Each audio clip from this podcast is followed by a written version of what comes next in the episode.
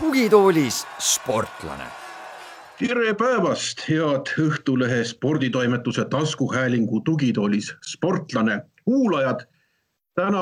teeme oma saate siis sellise, kus pajatame natukene spordiajakirjanduse juttu ja mul on väga hea meel, et tänane saatekülaline on selline mees nagu Indrek Švede, kes on ise pikalt olnud spordiajakirjanduses ja jalgpalliajakirjanduses tegev tõsi, praegu mees pigem tegeleb, ma saan aru, teadustööga ja nii-öelda on pigem spordiloolane, aga just nii-öelda selline kõrvalpilk, pilk meie praegusele spordiajakirjandusele võiks olla selline väga asjakohane. tere, Indrek. tervist. Ma kõigepealt alustan sellise küsimusega, et kui me siin seda jutuajamist nii-öelda kokku leppisime, siis sa ütlesid, et vot online meediat ja online, online spordimeediat sina ei jälgi. selgita nüüd ära, miks siis nii Äh, sellepärast, et aeg on väga kallis ja mm, kuna ma olen äh, lugenud eluaeg paberväljaandeid, äh, siis ma lihtsalt ei võtnud seda online meediat omaks puht ratsionaalsetel kaalutlustel. Et pabermeediast ma usaldan põhimõtteliselt neid toimetajaid, kes panevad paberlehed kokku, kes teevad valiku minu eest ära ja sellest valikust saan mina omakorda teha valikut, mis hoiab mu aega kõvasti kokku. ja niisiis ongi, et ma põhimõtteliselt tarbin uudiseid, olgu nad siis Eesti või välismaailma kohta, erinevate valdkondade kohta ühe korra päevas. ja mul jääb ära nagu see selline äh, klikkide järele jooksmine ja nende järgi janunemine, sest ma olen ka inimene, kes võib väga kergesti sattuda sõltuvusse samamoodi võin ma sattuda sõltuvusse ka online meediast ja kui see juhtuks, siis ma ei saaks ju oma põhitööd korralikult teha. ja pabermeedia jälgimisel on üks äärmiselt hea omadus. kuna ma ju lehitsen selle lehe algusest lõpuni läbi, siis mu silmaring püsib no ütleme niimoodi võimalikest avaramana kuna ju vähemalt pealkirja tasemel olen ma kursis ka nende valdkondadega, mida ma kunagi ei viitsiks äh, kuskilt äh, ekraanilt hakata otsima. et noh, näiteks majandus, mis mind tavaliselt ei ole väga huvitanud, ma olen ka majandusasjadega kursis. mõnikord ma loen sealt põigiti midagi, mõnikord piirdun ainult pealkirjadega. aga kui ma oleksin online meedias, siis ma jääksin äh, ühekülgseks mm. -hmm. no selge, aga kui sa siis jälgid pabermeediat nii-öelda ja, ja nüüd, kui mõelda just selle nii-öelda spordiajakirjanduse poole peale, siis äh, just nii-öelda selliselt kõrva, kõrvaltvaataja pilguga, et mis siis võib-olla need kõige üldisemad asjad on, mis sulle nagu praegu nagu silma on jäänud, et kui sa nagu mõtled natuke võib-olla tagasi nii-öelda enda aegadele, kui sa spordiajakirjanduses tegev olid, et kas nagu no võib-olla isegi kõige üldisemalt küsingi niimoodi, et kuidas sulle tundub, meie spordiajakirjanduse selline üldine tase on pigem võrreldes siin mingite aastate tagusete aegadega nii-öelda langenud, on ta tõusnud või ta on laias laastus jäänud samaks? noh, siin on nagu see põhi, põhiküsimus on selles, et, et aeg on sedavõrd palju muutunud, et lihtsalt ähm, spordiajakirjaniku töö on, on ka sealt maalt muutunud ja ära on kadunud paljud sellised žanrid, ähm, mis mulle omal ajal väga meeldisid. Ja need žanrid, mida ma siis nüüd ka kohe nimetan, äh, tekitasid selliseid spordiajakirjanduse tippusid. Mis siis praegusel kujul võimalik ei ole, et noh, tänased tipud peavad siis hoopis omama hoopis teistsuguseid omadusi, teevad ka hoopis teistsugust ajakirjandust, aga pigem sellist ajakirjandust, no mida, mida mina noh, ütleme siis lugejana võib-olla äh, pean selliseks kuidagi nagu natukene niisuguseks noh, käsitööks või niisuguseks mesilasetööks, et mis on vaja ära teha, aga, aga seal nagu võib-olla suuremat meisterlikkust äh, ilmutada polegi vaja. ja silmas pean ma just seda selliseid pikemaid arutlevaid lugusid, mida vanasti kutsuti publitsistikaks. noh, tänapäeval nimetatakse neid siis pigem esseedeks ja esseistikaks, millist äh, žanri võib-olla siis tänapäeva ajakirjanduses äh, noh, näitavad mõningad nädalalõpuväljaanded aga spordiajakirjanduses on selliseid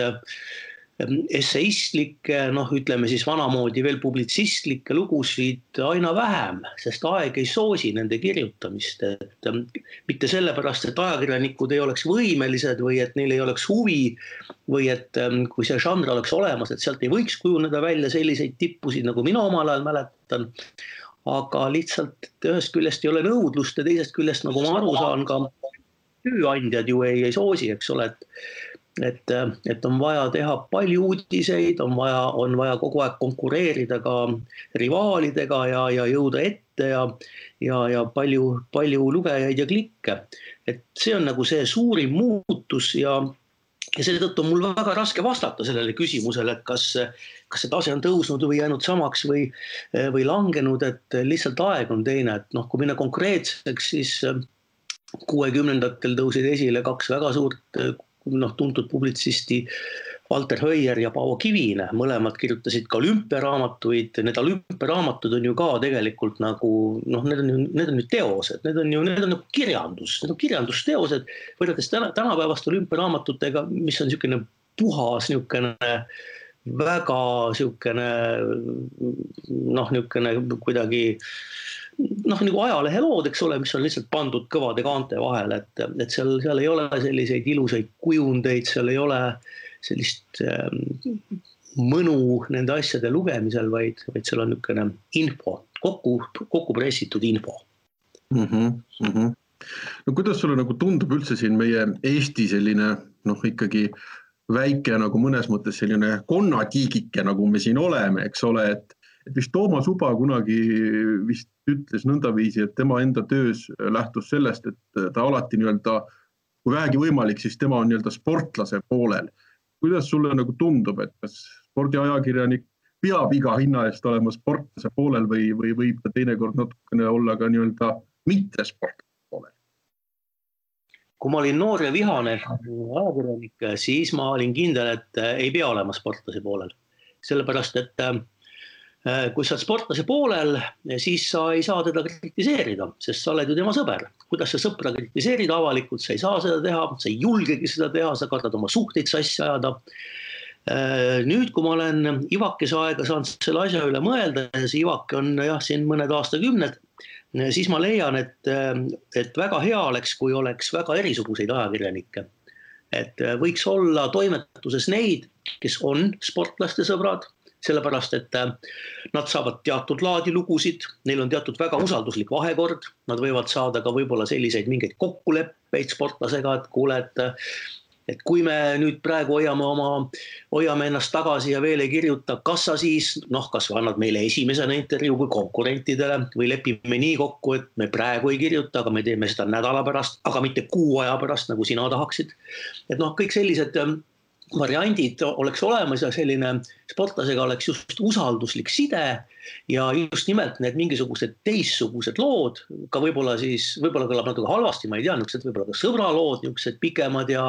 ja kus sa tõesti lugeja tunneb, et sportlane on usaldanud oma mingit sellist äh, infot mida siis ajakirjanik on valanud sellisesse heasse ajakirjanduslikku vormi ja lugejal on seda hea lugeda, ta saab seal teada ja, ja, ja üldse selline niisugune positiivne, parimas mõttes positiivne lugu mina ise ajalooliselt äh, olen esindanud äh, teist, teist suunda ja vähemust, sellepärast et ega konflikti minemine ei ole lihtne, pole ka minul kunagi olnud. aga ma olen alati tähele pannud, et ma väga sageli valin selle poole, mis on alaesindatud. et kui ma nagu näen, et on mingisugune, äh, mingisugused pooled, kasvõi eripooled või, või mitu, mitu poolt. ja, ja siis ma olen mõnikord oodanud lausa, et huvitav, et kõik omavahel räägivad sellest. terve linn teab, terve Eesti teab, et see nii on. keegi ei julge kirjutada ja mul on see käinud au pihta ja ma olen mõelnud, mis kuradi ajakirjanikud me oleme kui me ei julge kirjutada, aga omavahel muudkui räägime õlleklaasi taga, toimetus igal pool ja see on mind nii õudselt ärritanud. ja, ja ärritas mind ka päris mu tee alguses ja siis ma võtsin nagu selle teise poole sisse, et läksin julgelt peale ja küsisin teravaid küsimusi ja ma ei olnud väga sallitud sportlaste ega spordijuhtide hulgas ja mulle jäi see imidž külge, see kuvand ja kui sa oled selle tee valinud ja sa näed, et su kõrval nagu ei olegi väga teisi selliseid, kes võtaksid selle tungla sinu käest üle ja astuksid edasi, siis sa jäädki sellele rajale. ja see on olnud selline huvitav tee ja ma olen siis iseendale sõnastanud, et, et minu see ülesanne oligi olla selles mõttes nagu selle lugeja poole peal, et äh, mitte teda alt vedada ja mitte lasta päriselt naeruvääristada oma, oma ametkonda, et näed, nad ise teavad, ise nad seal semutsevad sportlastega, aga kirjutada ei julge, ei julge esitada teravaid küsimusi, ei julge probleemi esitada nii, nagu nad kas tunduvad või nagu kriitiline vaatepunkt võiks neid probleeme esitada. aga nüüd siis jah, tagantjärgi ma olen aru saanud, et, et ju on ikkagi mõlemad head lähenemised, et üks peab olema see toimetuses hea politseinik, teine halb politseinik. ja see tegelikult nagu loob selle toimetusele sellise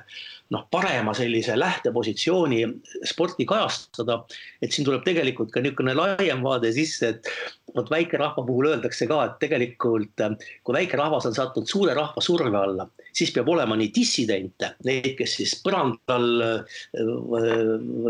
võimudega võitlevad, peab olema kollaborante, need, kes hakkavad kaastööd tegema, need, kes on mõnes mõttes isegi reeturid, aga vot nimelt just see kõik annab sellele väikerahvale võimaluse kokkuvõttes ellu jääda, sest saab ära proovida erinevaid teid, kuidas me ikkagi siis säilime läbi aegade? Aga kui sa nüüd meenutad neid aegu, kui sa võtsid kriitiliselt sõna ja küsisid selliseid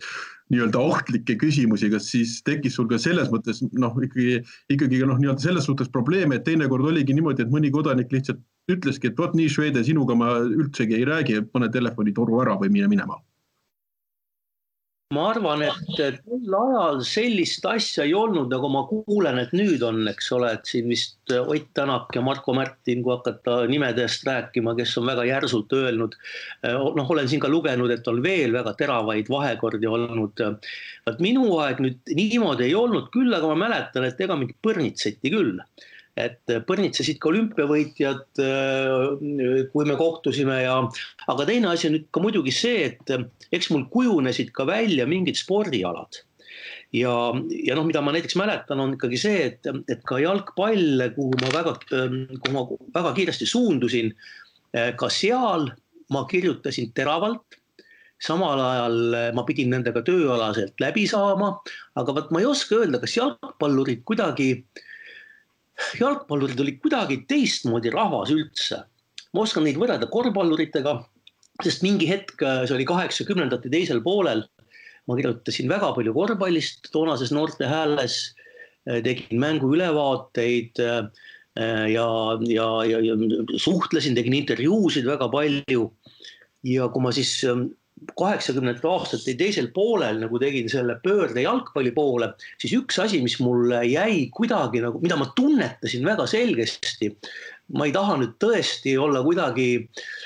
solvav või näpuga näitav, see on kõigest minu isiklik tunnetus oli see, et jalgpallurid olid kuidagi mehisemad. Nad talusid kriitikat mehiselt, mehisemad kui korvpallurid. siin võib olla ka see põhjus, et korvpall oli võrreldes jalgpalliga edukam nendele kriitika mõjus eriti valusalt, kuidas julgeb keegi meid kritiseerida, kui meil kõik nii hästi on. jalgpallurid olid mutta trambitud, neist ei kirjutatud, võib-olla, et neil oli hea meel, et neile hakati üldse tähelepanu pöörama ka selle kriitika paremini alla, eks ole. aga, aga, ikkagi äh, nende selline kriitikataluvus oli tunduvalt just nimelt mehisem kuidagi. ja see mulle väga meeldis. ma mäletan ka, kuidas ma kaheksakümne üheksandal aastal äh, käisin Tallinna Spordiga, see oli siis see toonane esindusmeeskond, käisime äh, teise liiga mängudel ja kas oli vist äkki Kaunases, kus me käisime eh, jalgpalluritega ka väljas ja osad neist jõid ka õlut ja mina jõin ka nendega koos õlut. ja ise mõtlesin selle peale niimoodi, et ega mina neid ju ei meelitanud välja, nemad ju läksid, mind võeti kaasa.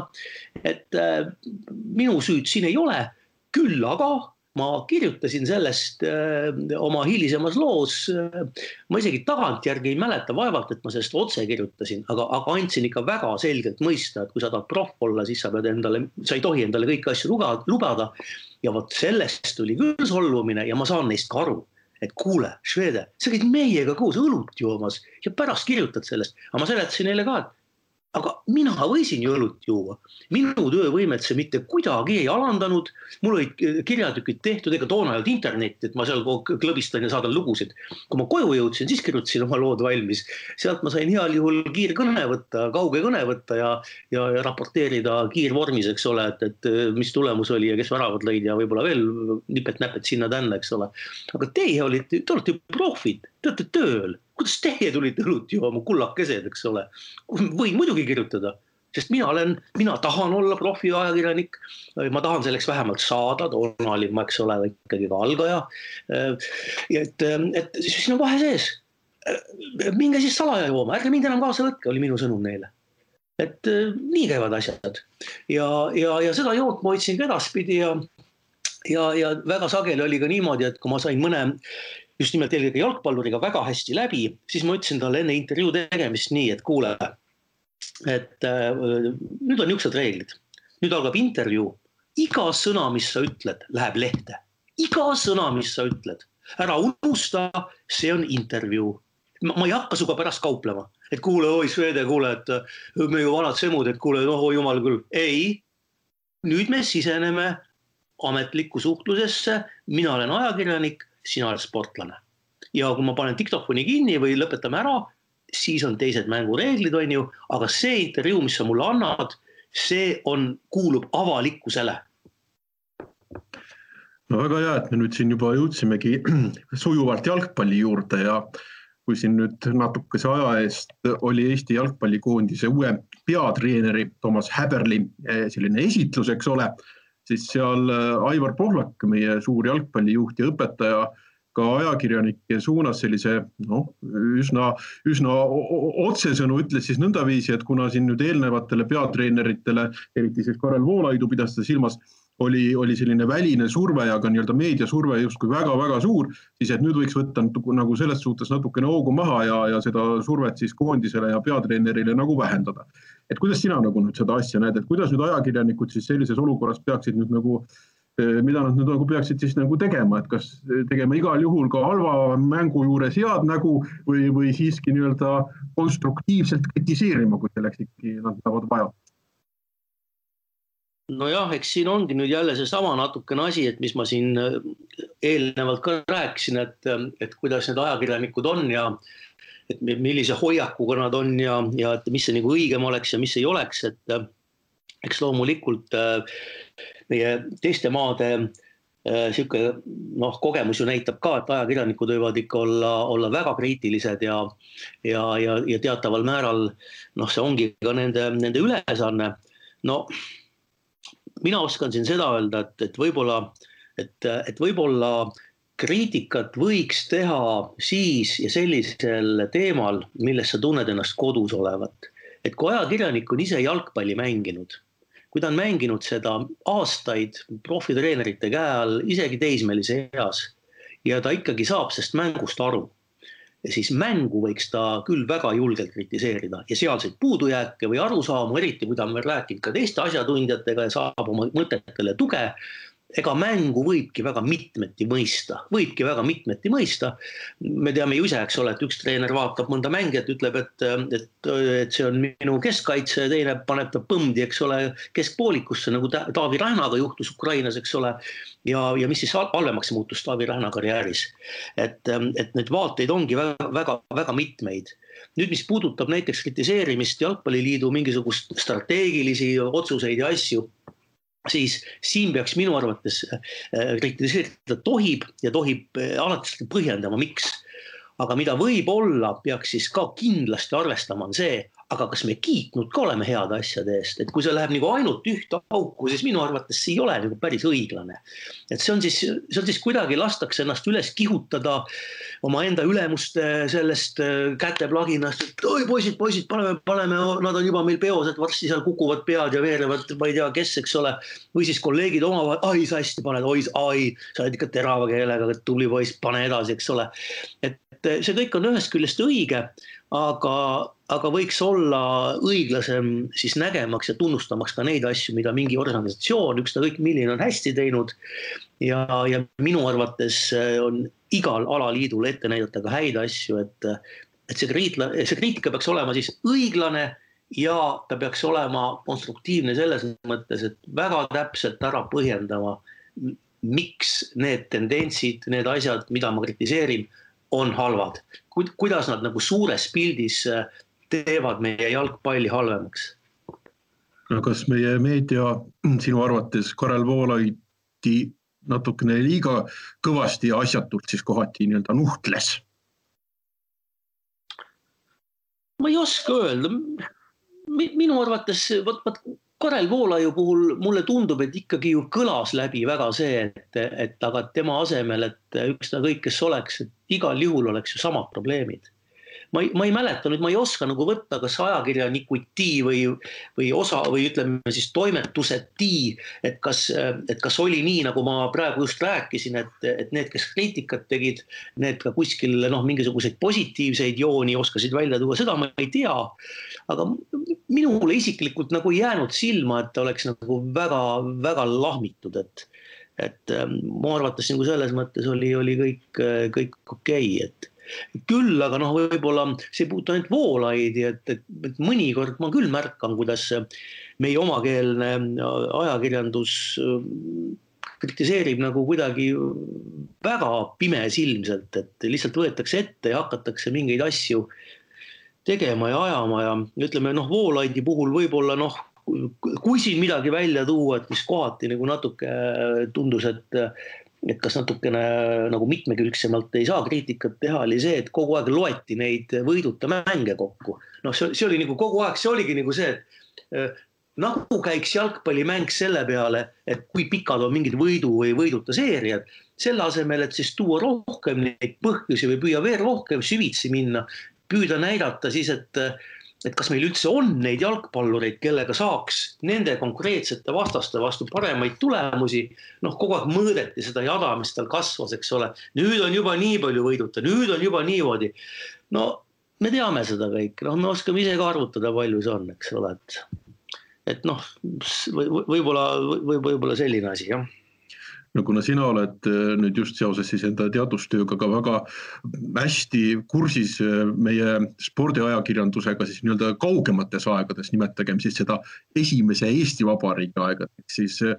kõnele, et, et kuidas nagu siis olid nii-öelda sellised üldised, üldised kirjutamismallid just ütleme, mis puudutasid jalgpalli, sest selge see, et jalgpall oli ju tookord ikkagi no ilmsesti ka spordiala on ju number üks, et, et kas oldi siis ka kritiseerivad, nõudlikud või, või, või, või kuidas nagu siis, siis see pilt nagu paistab? ei, ajakirjandus oli siis ka ikkagi kriitiline ja, ja isegi veel tagantjärgi siin värskeltki mõningaid asju üle, üle lugedes, mida ma juba kõik olen kunagi lugenud ja mida ma, ma noh, nii-öelda tean, siis ma ikkagi mõnikord jälle ei suuda ära imestada, et et kuidas küll need toonased isiklikud suhted said olla olukorras, kus muuseas eriti palju kritiseeriti kohtunikke. et see on see, see oli halastamatu kriitika, see oli selline kriitika, et noh, ma arvan, et kui tänapäeval, no tänapäeval kehtivad muidugi ka need hoopis teistsugused reeglid kohtunikele, vaata toona oli see lugu, et kohtunikult võeti intervjuud, kohtunik andis ka rahvusvahelistes mängudes oma hinnangu mängule, hindas erinevaid pooli, oi, vot need mängisid pigem niimoodi, vastased olid vot pigem niimoodi, eks ole ja see, et anti nagu hinnang ka kohtunikule sageli, kas siis eh, loo keskel või lausa viimases lõigus, eh, oli tavaline. ja veel kord, noh, see hinnang oli ikka mõnikord no, no nii hävitav, et seal ikka öeldi lausa nii ära, et eh, noh, annaks jumal, et see mees mitte kunagi enam ei vilistaks mingeid mänge. olukorras, kus kohtunikke oli vähe. ja noh, tänapäeval ma arvan, et et isegi, isegi noh, ka kõige kriitilisem ajakirjanik mõtleks ju selle peale, et, et kui ma päevast päeva, mängust mängu nii kriitiliselt hindaksin kohtunikke, kes julgeb üldse kohtunike kursustele minna, kes üldse julgeb vile suhu panna ja väljakule minna. et, et see, see just nimelt see kohtunike kritiseerimine oli, oli, oli väga iseloomustav et ma olen just praegu nagu kahekümnendaid aastaid üle vaatamas ja, ja, ja jah, et päris, päris, päris karm. mängijaid kritiseeriti ka, noh, kusjuures siis tänapäevasega võrreldes, eks ole, et toonased Eesti mängijad ei olnud ju elukutselised. Tänapäevased juba ju on, see on nende põhitöö, nad saavad palka mängimise eest, olgu nad siis välisklubides mängides, siis eriti. aga noh, ka Eestis on ju ikkagi tugevamad jalgpallurid on täisprofid. ja, ja ka nemad said väga palju kriitikat ja, ja, ja toonast mängureportaaži iseloomustas väga kujundlik keel Ehm, on ka arvatud, et miks see keel võis nii kujundlik olla, on see, et, et sageli sa pidid ju mängu nagu ümber jutustama inimesele, kes seda ei näinud, ei olnud ju televisiooni, ei olnud ju telefonist, ekraanilt, arvutiekraanilt, sa ei saanud seda mängu vaadata, sa ei saanud seda järgi mitte kunagi vaadata. kui sind mängul ei olnud, siis ajaleht oligi see meedium, mis tõi sulle selle kätte ja ajakirjanik siis väga sageli leidis ennast kohustatud olevat kirjeldamaks, mis seal juhtus ja need on väga kujundlikud, väga humoorikad. oi, kui palju ma olen naerda saanud, kui ma neid olen lugenud ja mõnikord ma mõtlen niimoodi, et, et kui ma loen sellise mängukirjelduse ära, no ma, ma ei tahagi seda televisioonis enam vaadata, et, et kui, kui tänapäeval ka ilmuks selline ülevaade, siis ma loeksin ainult neid ja saaksin naerda ja väga hea ülevaate. noh, loomulikult see on nali, eks ole, ega siis sellises mänguülevaates oli väga palju subjektiivset, aga ja, ja ka toonased Äh, suhted, ka siis klubide omavahelised suhted võisid olla väga teravad. Ähm, need kajastusid ajakirjanduses, ajakirjanduses nagistasid ka väljaanded omavahel ja, ja ajakirjanikud omavahel esitades siis täiesti vastupidiseid arusaamasid mingist probleemist. nii et äh, sellist kriitikat oli, oli, oli, oli päris palju ja, ja omavahelist nagistamist aga kas oli ikkagi ka aru saada, et nii-öelda need, kes kirjutasid sellest äh, jalgpallist, et, et olid nad nii-öelda ikkagi nii-öelda noh, üldjuhul ikkagi asjatundjad ehk et kas nad esitasid nii-öelda ka selliseid õigustatud küsimusi näiteks treeneri otsuste suhtes, et, kuidas nagu see tundub? ja vot siis oli väga läbi põimunud oli kõik, et näiteks Päevalehes ja, ja Eesti spordilehes kirjutas väga sageli Oskar Lõvi. Oskar Lõvi oli toonase aja väga kõige tuntum ajakirjanik ta oli ise jalgpalli mänginud, ta on Türilt pärit. Äh, ta käis koondisega kaasas, ta käis olümpiamängudel kaasas. Äh, ta oli ise kohtunik, ta, ta vilistas mänge, nii et ta teadis seda. Äh, ta oli ka asjapulk näiteks ja teine kirjutaja oli rahvuskoondise mängija Ernst Joll, käojaan, eks ole, kes mängis Eesti rahvuskoondises, mängis Kalevis ja tegi kaastööd ajalehtedele näiteks äh, kahekümne seitsmendast aastast hakkas ilmuma ka pisut kollaka läikega uudisleht ja uudisleht väga sageli kirjutas seal niimoodi, et me, meil on väga kindlad allikad, mis räägivad, et asjad on niimoodi. ega siis seal äh, toona üldse nagu neid nimesid sageli alla ei pandud, maksimaalselt võidi panna näiteks initsiaalid, näiteks E, J, eks ole, ehk siis Ernst Joll. väga sageli polnud neidki aga no kui, ähm, kui Ernst Joll on toimetuses, kui tema kirjutab jalgpallist, see on ju selge, kust tulevad mingisugused, äh, mis infokillud, eks ole. Joll madistas näiteks Oskar Lõviga, heitis talle ette, et äh, miks Jalgpalliliidu juhatus ei heida oma, oma koosoleku ringist välja Oskar Lõvi, kes üldse ei kuulugi juhatusse. kuidas saab see mees üldse seal olla? ta susib ja sasib äh, seal teie hulgas ja, ja, ja koostab peaaegu et koondisi, mis vastas äh, üksikutes mängudes ka tõele. Oskar Lõvi käis väga sageli, käis välja oma ettepaneku, milline koosseis võiks koondisel olla ja ühel mängu puhul kindlasti kahekümnendatel aastatel täpselt selline koosseis välja pandigi. noh, lihtsalt soostuti sellega, siin peab nüüd ütlema ühte väga olulist asja. vaat sel ajal treener ainult treenis meeskonda, koondise valis äh, alguses Jalgpalliliit, hiljem äh, moodustati selline selektsioonikomitee või komisjon, ma ei mäletagi, kumb see nimetus täpsem oli, see oli kahekümnendate aastate teisest poolest alates. nii et üks kolmeliikmeline komisjon valis siis koondise koosseisu, treener lihtsalt treenis mängijaid. ja siis tõesti võis olla, eks ole, et Jalgpalliliit võib-olla püüdis ka survestada koondise moodustamist ja kui see Oskar Lõvi oli seal nii kõva mees seal nendes ringides, siis ta võib-olla tõesti seal ka susis ennast sinna vahele ja, ja ega siis kõikidele see ei pruukinud meeldida. ja, ja noh, näiteks Vabas Maas äh, kirjutas äh, nii mõnigi kord Ado Anderkopp,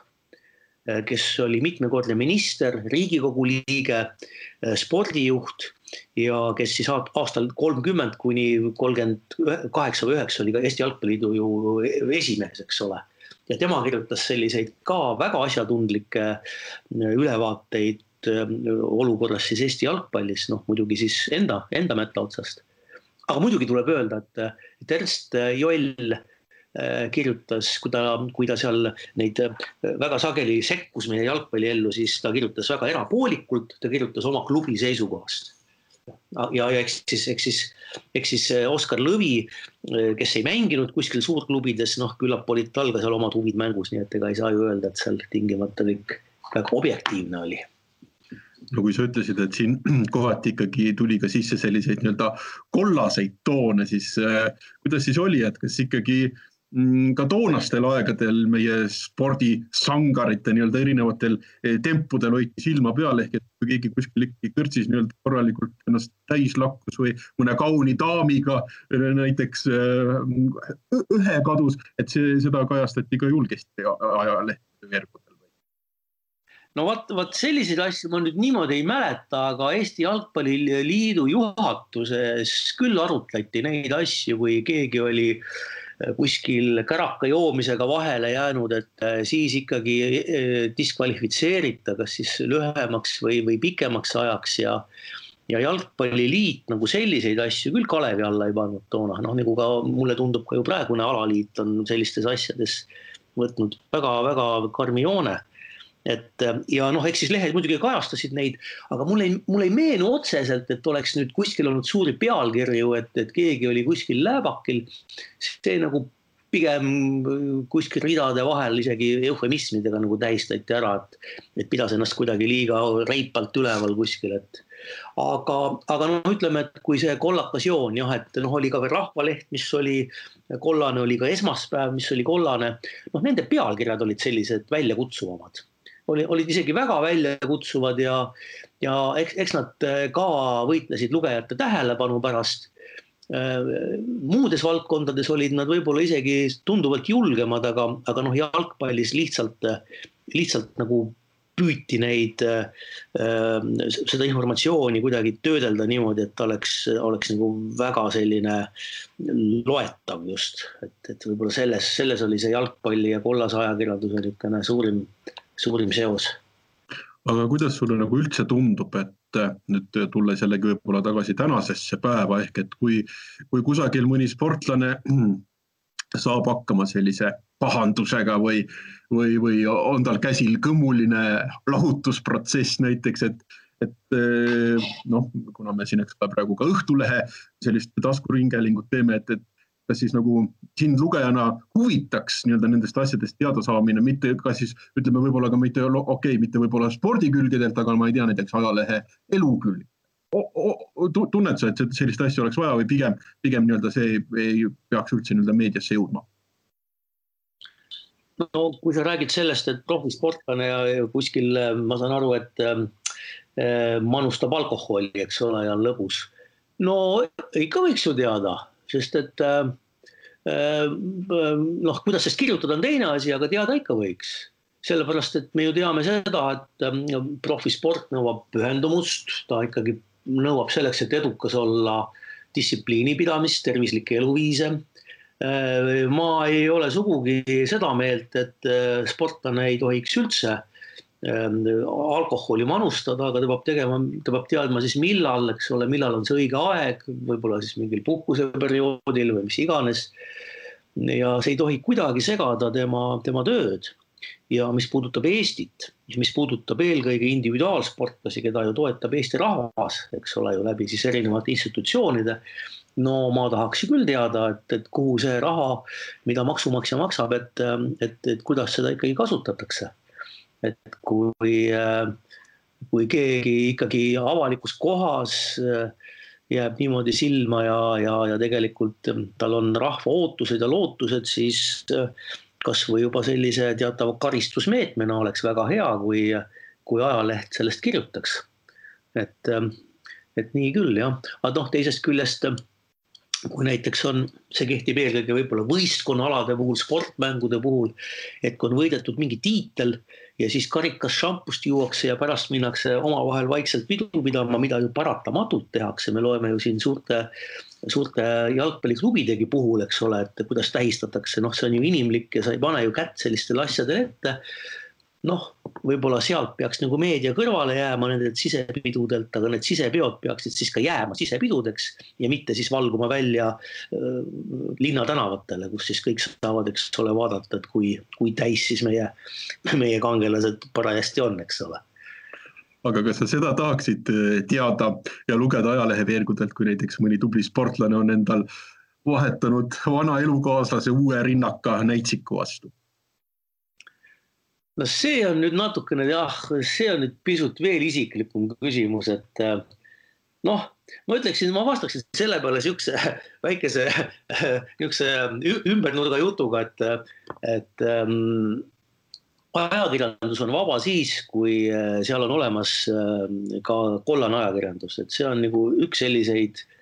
üks selliseid, äh, selliseid määratlusi, et millal, millal me võime öelda, et tegemist on vaba ajakirjandusega ja, ja seda kõike arvestades ja seda arvestades, et kollane ajakirjandus ju selliseid teemasid noolib, äh, siis kahtlemata las ta siis kajastab neid, et kuivõrd see nüüd äh, huvitab inimesi, osad, osa lugejarühma huvitab ta kindlasti väga, teist võib-olla vähem, et noh, küsimus on jah pigem selles, et, et kuidas seda kajastatakse ja, ja ma arvan, et ka sellistes lugudes kindlasti peab, peab ikkagi vaatama, et, et, et ol, oldaks nagu selles mõttes viisakad info edastamisel, et seal ei, ei kuidagi ei, ei solvataks neid inimesi ilma, ilma asjata. kui sa meenutad jällegi enda aegu, kui sa spordiajakirjanikuna töötasid, kas oli teinekord äh, näiteks, ma ei tea, toimetuse koosolekutel ka selliseid olukordi, kus näiteks peatoimetaja või keegi nagu heitis sulle konkreetselt ette, et kuule mees, et need olid oma väljaütlemistes liiga kriitiline või natukene isegi liiga solvav või et, võta nagu siin või seal nii-öelda tuure maha, oli, oli, oli selliseid asju? No mul on pigem selliseid mälestusi, et ähm, kus mul ikkagi tekkis väga-väga selge küsimus, et miks mind üldse on saadetud Sydney olümpiamängudele. et ähm, seal oli see Erki Noole, eks ole, see kettaheite asi ja, ja mina muuhulgas vahendasin ka kohalikku ajakirjandust, mis seal kirjutati ja ja, ja saatsin oma lugusid Tallinnasse ja siis mul tekkis küll nagu konflikt, et äh, mu lugusid lausa moonutati ja moonutasid oma kolleegid. ühel juhul äh, ma küsisin, et kuule, et mis toimub, kullamees, et ma saadan siit loo ja, ja loen täpselt tagurpidist juttu oma nime all, oma nime all. ja vist isegi peatoimetajaga sain ühendust ja ütlesin, miks te mind saatsite siia, kui te mind ei usalda, eks ole. ja, ja siis ähm, see kolleeg vastas niimoodi, et ähm, kus ta muutis minu jutus noh, sada protsenti tagurpidiseks, mis oli väga jäle, sest et see oli minu nime all, eks ole kolleeg ütles niimoodi, et ta arvas, et ma ei tahtnud nii kirjutada. et ma tahtsin täpselt tagurpidi kirjutada, on ju, okei okay,, noh, noh jah. ja peatoimetus ja hiljem toimetuse juhtkond ütles niimoodi, et aga pärast Erki Nool ei suhtle meiega, kui me tema suhtes kriitilised oleme. et äh, noh, et äh, mis oli nagu väga-väga-väga-väga kummaline minu jaoks. ja mul on hiljem olnud veel see oli siis, kui ma olin, eks ole, jah, toimetuse töötaja, et see on nagu ainus kord, kus ma nagu, et keegi pole nagu öelnud, et, et ma olen nagu kuskilt üle liia läinud. aga, aga noh, jah, et, et kuidagi, kuidagi nagu ikkagi mõista selle konkreetsel puhul anti küll, et, et me tahame, me tahame edasi suhelda. ja ükskord ma mäletan, see ei olnud spordiga seotud, aga see oli kolumni, see oli ühe kolumniga seotud, kus kaks tuhat seitse Eesti Päevalehes Marju Lauristin kirjutas ühe kolumni, ühiskondliku kolumni. Äh, ja mina kirjutasin talle täpselt tagurpidise vastu. Äh, siis tuues konkreetselt välja põhjendusi, miks ma arvan, et, et, et ta eksib. ja siis mul oli ka väga pingelised jutuajamised olid arvamustoimetajaga. ja üks argument, äh, miks sealt mingi osa välja võtta, oli see et kui me selle sisse jätame, siis Marju Lauristin ja tema lugupeetud abikaasa Peeter Vihalemm ei tule enam meile koolitusi andma, et meil on mingi kokkulepe, eks ole, mille peale ma siis ütlesin, et aga kuidas siis nüüd niimoodi. Marju Lauristin tohib arvamusküljel kirjutada, mida tema ise tahab ja mina tema oponendina ei saa seda teha, sellepärast et öeldakse, et aga siis ta ei ole äkki nõus tulema. et kus siin vaba ajakirjandus on, et mis, mis, mis arvamuse veerud teil sellised siis üldse saavad olla, vabad. ja see töötas ja see kolumn äh, ilmus nii, nagu ma olin ta kirjutanud. nii et äh, selliseid juhtumeid on olnud küll, jah. ükskord äh, siin oli see vist detsembrikuus, kui oli Eesti Jalgpalli Ajakirjanike Klubi selline väikene virtuaalne koosviibimine, siis sa ka pisut rääkisid jalgpalliajakirjanduse ja ka natuke spordiajakirjanduse teemadel ja seal üks asi, mis mind pani ka väga mõtlema, oli tegelikult see, mis sa välja tõid, oli see, et eks ole, kui meil on olnud siin need suured dopinguskandaalid, on ju, et siis pigem äh, nii-öelda kajastavad ja kirjutavad neid nii-öelda uuriva toimetuse inimesed, kui et sporditoimetuse inimesed, et, mida siis see ikkagi nüüd meile näitab tegelikult? no aga see näitabki ka seda, et millest ma alguses rääkisin, et spordiajakirjanikud tuuakse nagu tule alt ära. et kui spordiajakirjanikud hakkaksid neid lugusid äh, kirjutama, siis sportlased enam ei suhtleks nendega. et minu see ideaal oleks, eks ole, see, et sporditoimetuses oleks äh, neid ajakirjanikke, kes saaksid nende lugudega tegeleda ja kes ei hooli sellest, et sportlased eh, neile sünnipäeval SMS-i ei saada ja oma sünnipäevale ei kutsu. ja siis kõrval on need kolleegid, kes käivad seal sportlaste sünnipäevadel ja, ja, ja, ja, ja semutsevad nendega heas mõttes.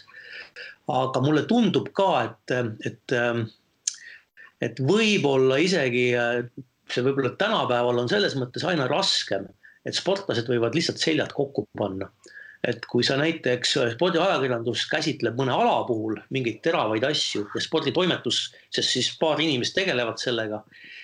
siis võib täiesti vabalt juhtuda, et ka ülejäänud alade tegijad ütlevad, et aga vot selle toimetusega või siis nende konkreetsete ajakirjanikega, kes käsitlesid, eks ole, seal teiste alade Äh, telgitaguseid, et me ei suhtle, ma ei tea seda. Äh, seda peaks järgi proovima, kas see ikka tegelikult on niimoodi. et võib-olla, võib-olla ma siin püüan liiga, liiga ette vabandada, eks ole, neid asju, aga võiks ju, võiks ju proovida. aga jah, et eks ta, eks ta on olnud juba ju, äh, ma olen seda tähele pannud üks paarkümmend aastat, et, et kohe, kui läheb asi tõsiseks, siis võtab teema üle uudisteosakond. spordiajakirjandus siis lihtsalt puhkab jalga, vaatab pealt kõrvalt. nii, härra Švede, viimane küsimus selline, et äh, milline peaks olema Eesti spordiajakirjandus, ütleme aasta-kahe või kolme pärast, et sina ajalehte avades spordikülgedelt kõik ilusasti nii-öelda läbi loeksid, läbi töötaksid, läbi mõtleksid, ei piirduks ainult nii-öelda pealkirjaga? et milline see peaks olema? ja sinu arvates no kui asjad nii lähevad nagu praegu, siis eh, ei, et siis, siis ei pane mind miski neid lugema, sest eh, ma ütleme, üks viisteistkümmend aastat ma spordi ja ajakirjandust eh, loen väga napilt. minu paberlehe lugemine on toimunud ammu niimoodi, et number ühel kohal on mul arvamuslood, noh, need, mis puudutavad tervet ühiskonda. siis Eesti uudised, noh, sinna hulka kuulub ka sisepoliitika ja siis tulevad seal ribula taha välispoliitika, noh, majanduskultuur, mida ma loen noh, väga diagonaalis. Ja spordiajakirjanduses ma ei loe isegi mitte diagonaalis, vaid ma ei loe teda peaaegu üldse. ma lihtsalt vaatan, et ahah, need on need alad, mis mind ei huvita, aga mida ma loen, on mõnikord, kui seal on mõned kolumnid, ma vaatan, millest need on. Ja ma loen neid mõnikord ka siis, kui nad ei ole jalgpallist, kui nad võib-olla püüavad mõtestada Eesti sporti sporti, võib-olla ka mingeid aladevahelisi suhteid, siis mind lihtsalt huvitab, et, et, et kas ja kuhu paigutatakse seal siis erinevad alad, noh, eelkõige siis jalgpall, et lihtsalt teada saada, et, et kuidas, kuidas niisugune arvamus on. Ja ütleme, mõnikord ma siiski loen äh, persooni lugusid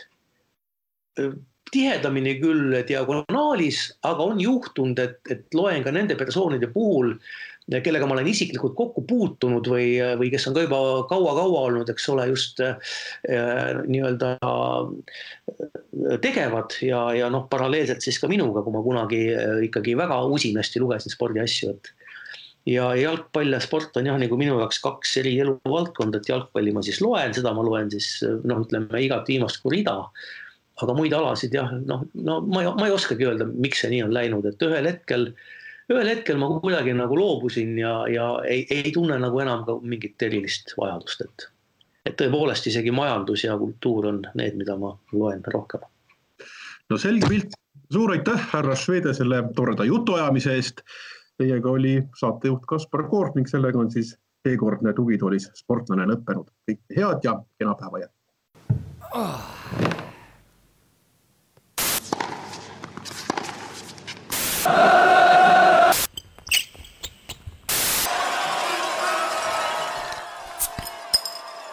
Tugitoolis sportlane